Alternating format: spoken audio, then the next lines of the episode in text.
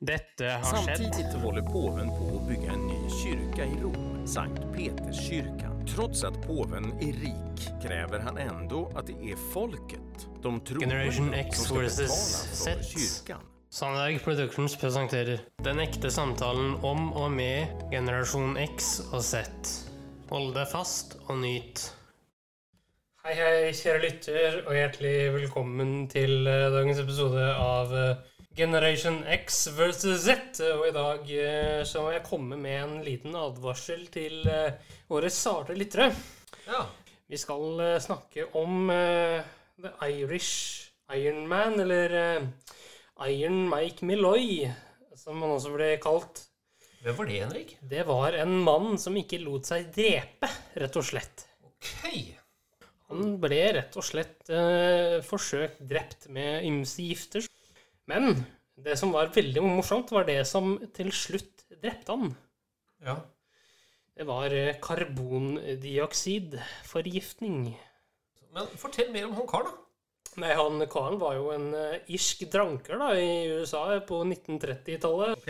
Eh, også da under eh, både forbudstiden og eh, den store depresjonen eh, i USA.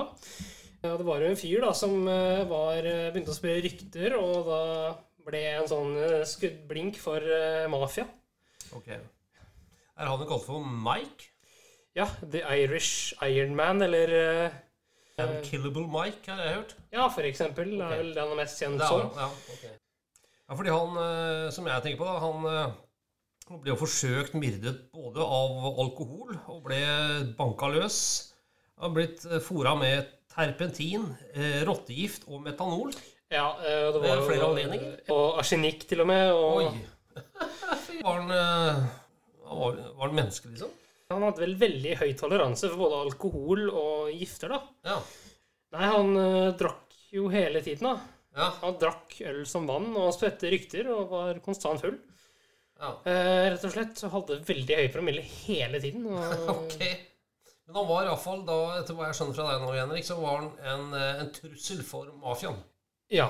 Fordi Uten å vite det selv, selvfølgelig. Nei. Eh, og da gjorde mafiaen en genistrek. Ja. Det var også å lage en falsk identitet på han. Ta ut livsforsikring på den identiteten. Og prøve å drepe han for å få ut livsforsikringen. ja, det var jo en uh, grei måte å, å, å gjøre det på, Ja. egentlig. Eh, så vi skal høre litt mer i detalj om hvordan det ble gjort, og hva som ble brukt til å drepe han. Ok. The room contains three men and a bed. One of the men is drunk, flailing about with little control of his body, and the other two are stone cold sober. Then things turn violent. One man grabs the drunkard and pins him down, in such a state he can hardly put up a fight. The other sober man starts fiddling with something by the bed, and a few moments later, he unhooks the tube from a gas light and shoves it into the mouth of the drunk man. He switches it on. Carbon monoxide floods into his mouth, and he remains pinned down until his body goes limp. The mission was nearly complete. After at least nine attempts, it was finally time for Iron Mike Malloy to die. How had things come to such a sorry state? Two words the Great Depression. Oh, wait, that's three words. But never mind. Desperate times called for desperate measures, and few points in history have been more desperate than the period after 1929. Unemployment was soaring, and you'd struggle to meet someone who wasn't looking for money. A certain five men sat in a New York speakeasy in 1933 were no exception. They were Tony Marino, Joseph Murray, Francis Pasqua, Hershey Green, and Daniel Kriesberg. The one thing binding them together was the need to make some quick dough, and that's exactly what they were discussing one night in the bar. Jobs were almost out of the question. None of them were morally opposed to a life of criminality, but they knew they had to be smart about it. A bit of petty thievery here or there just wasn't going to cut it. They had to think big. That's when a eureka moment hit life insurance. They'd all heard the tales of people doing themselves in or doing their loved ones in to cash in on a good policy, but there had to be a better way to do it. What about if you knew someone who was already really ill? You could persuade them to sign up for a life insurance policy and cash out when they tragically met their end a few weeks down the line. The perfect crime. There was just one problem. Nobody could think of anyone who was dying. Luckily, one man had a better idea. What if someone took out a life insurance policy and later died in a tragic and very accidental accident? Straight away, they thought of just the guy, Mike Malloy, the tragic Irish immigrant who'd lost his job and now spent all of his time drinking. He was in this bar almost every night. It would be easy to try some funny business. Besides, he didn't have much life left in him anyway. If they cut his life short artificially by a few months, then so what?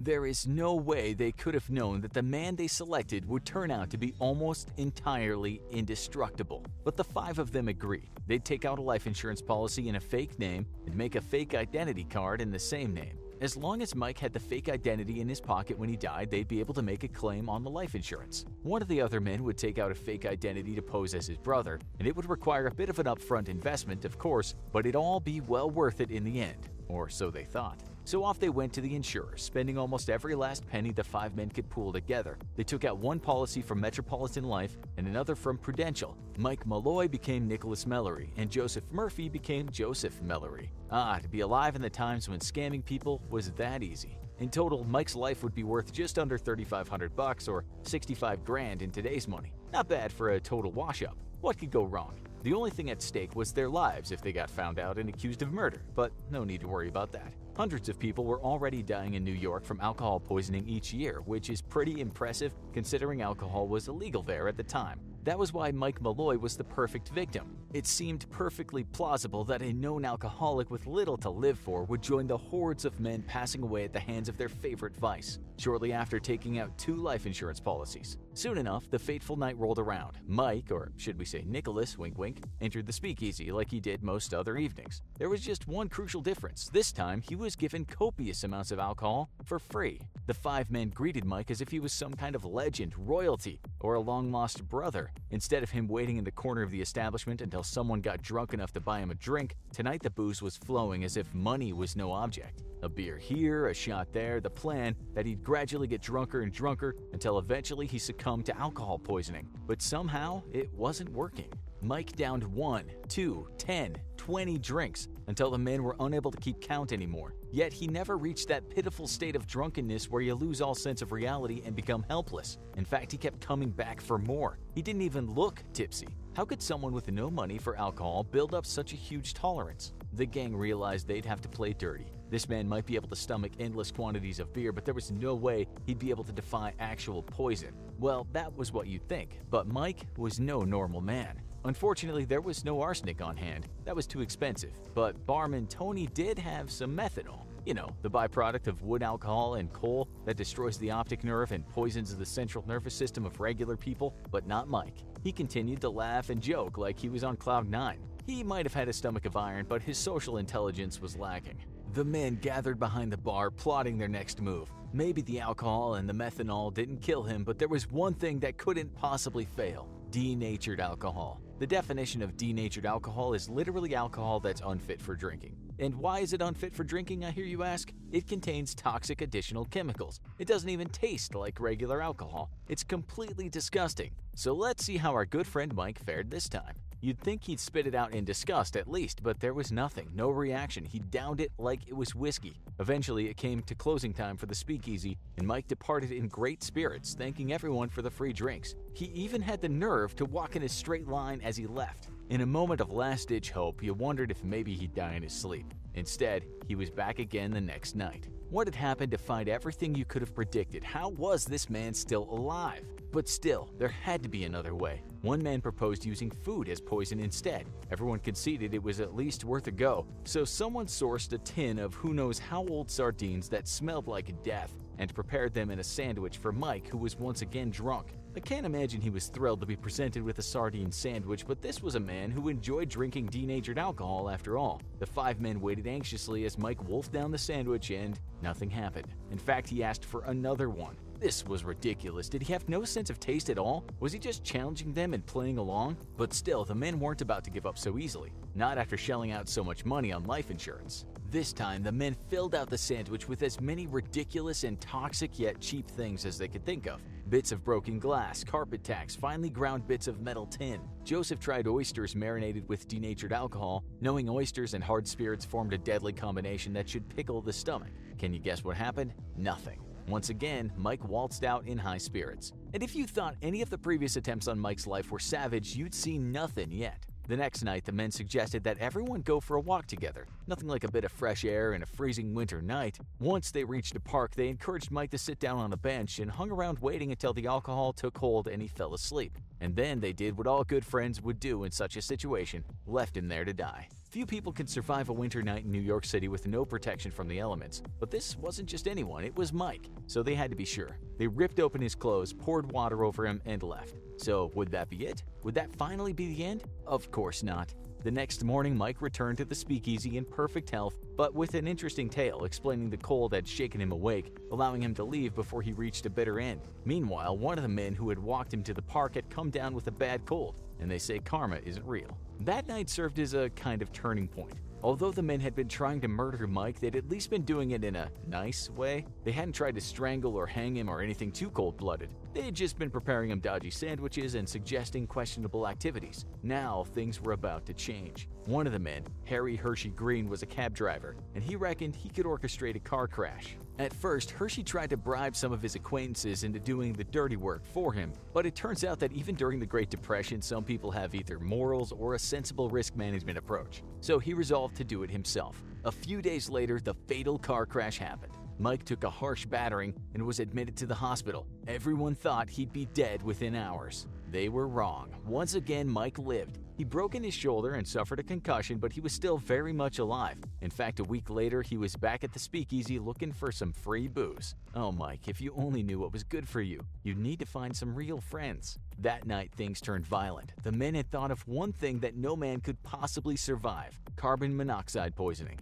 Rewind back to the scene at the start of the video. Joseph Murray and Daniel Kriesberg had pinned a drunk Mike down on the bed as they used a gaslight tube to poison him with carbon monoxide. You might doubt that the man who died was really Mike, but come on, you really didn't think he would survive this one, didn't you? It took 20 minutes to finish the job, which is surprisingly long, but eventually his body had to give in. So, what happened next? Did they cash in their life insurance premium, wander off into the sunset, and live happily ever after? Not quite. They did succeed in getting the money. At first, they paid a doctor to sign a death certificate, citing lobar pneumonia as the cause. It was a downright lie. The doctor falsely claimed Mike had visited the doctor complaining of flu twice before dying. There was just one problem. A few months later, there was a murder at the speakeasy and Joseph Murphy was taken into custody as a witness. Meanwhile, one of the life insurance agents became suspicious after failing to track down the non existent Nicholas Mellory. There were already rumors going around about the plot to kill Mike, and eventually the police caught wind of it. Everything was going to pot. The police decided to give Mike's body an autopsy. The murdering fivesome hadn't bothered to embalm the body, which would have removed all the traces of what had happened. Rookie mistake. It soon became clear that Mike hadn't died because of his lobar pneumonia or flu. It didn't exactly take a forensic pathologist to figure it out. There was a cherry red discoloration all over the corpse, a clear sign of what had really happened. All five men, plus the doctor who signed the fake death note, were arrested. All in all, the gang had blown almost $2,000 trying to earn the $3,500 life premium. If only I'd been there with them, I would have suggested they use that as a bribe to a journalist to report a fake death. The power of hindsight, I suppose. Now begin your own journey toward immortality by checking out our videos on how to survive a crocodile attack or falling out of an airplane. Ja, seidig var type. Ja. Det må jeg si. Han hadde jo en eh, enorm toleranse for både alkohol og andre giftstoffer. Eh, Ja, er det sånn vi sier? Ikke prøv dette hjemme. riktig. Ja. Jeg burde kanskje sagt det innledningsvis.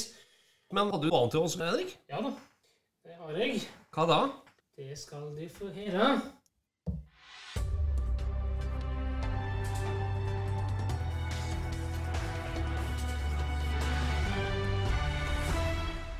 NRK-hjørnet.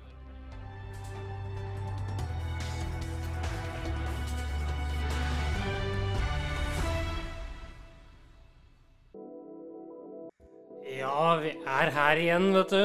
Ja da. Mitt eh, lille faste innslag med NRK. Nå tenker jeg å ta for oss en eh, litt utradisjonell russebuss. Ja vel. Here we go. Vi hadde egentlig tenkt å ikke ha noe russebuss, vi. Altså, alle er så opptatt av å ha det feteste lydanlegget, feteste lysanlegget. Vi har jeg har egentlig aldri vært noe opptatt av det. Vi har egentlig likt andre former for kultur, kan man si. da. Berlinerpoplene av Anne B. Ragde. Vi er en lydbokbuss. Bibliotekarene.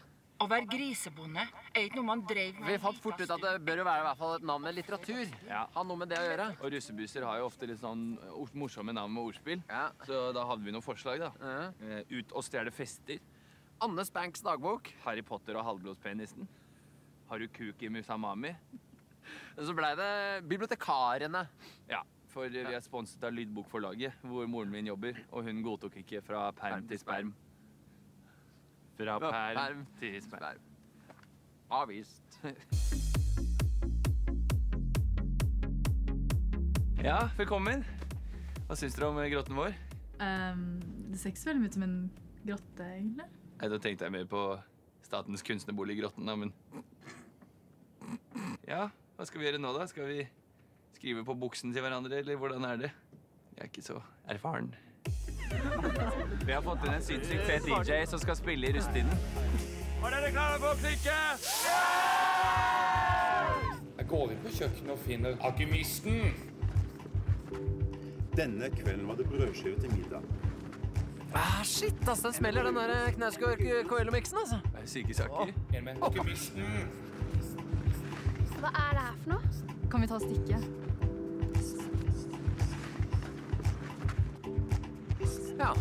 får finne noen andre, kanskje?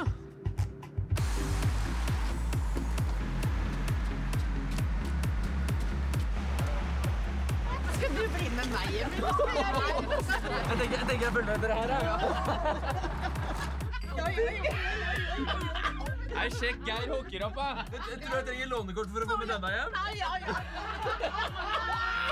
Det er en kjempevits i bibliotekarmiljøet. Det spørs ikke om jeg må demontere den bokhylla her først. Jeg har tusen sider i buksa, noen vil fukte fingrene. Er det stiv, stiv perm, eller? Ja. Da er det pocket, eller er det picket bøker du snakker om? Jeg bryr meg ikke om det er én, to eller tre bind. Her har det vært bind for flere år siden.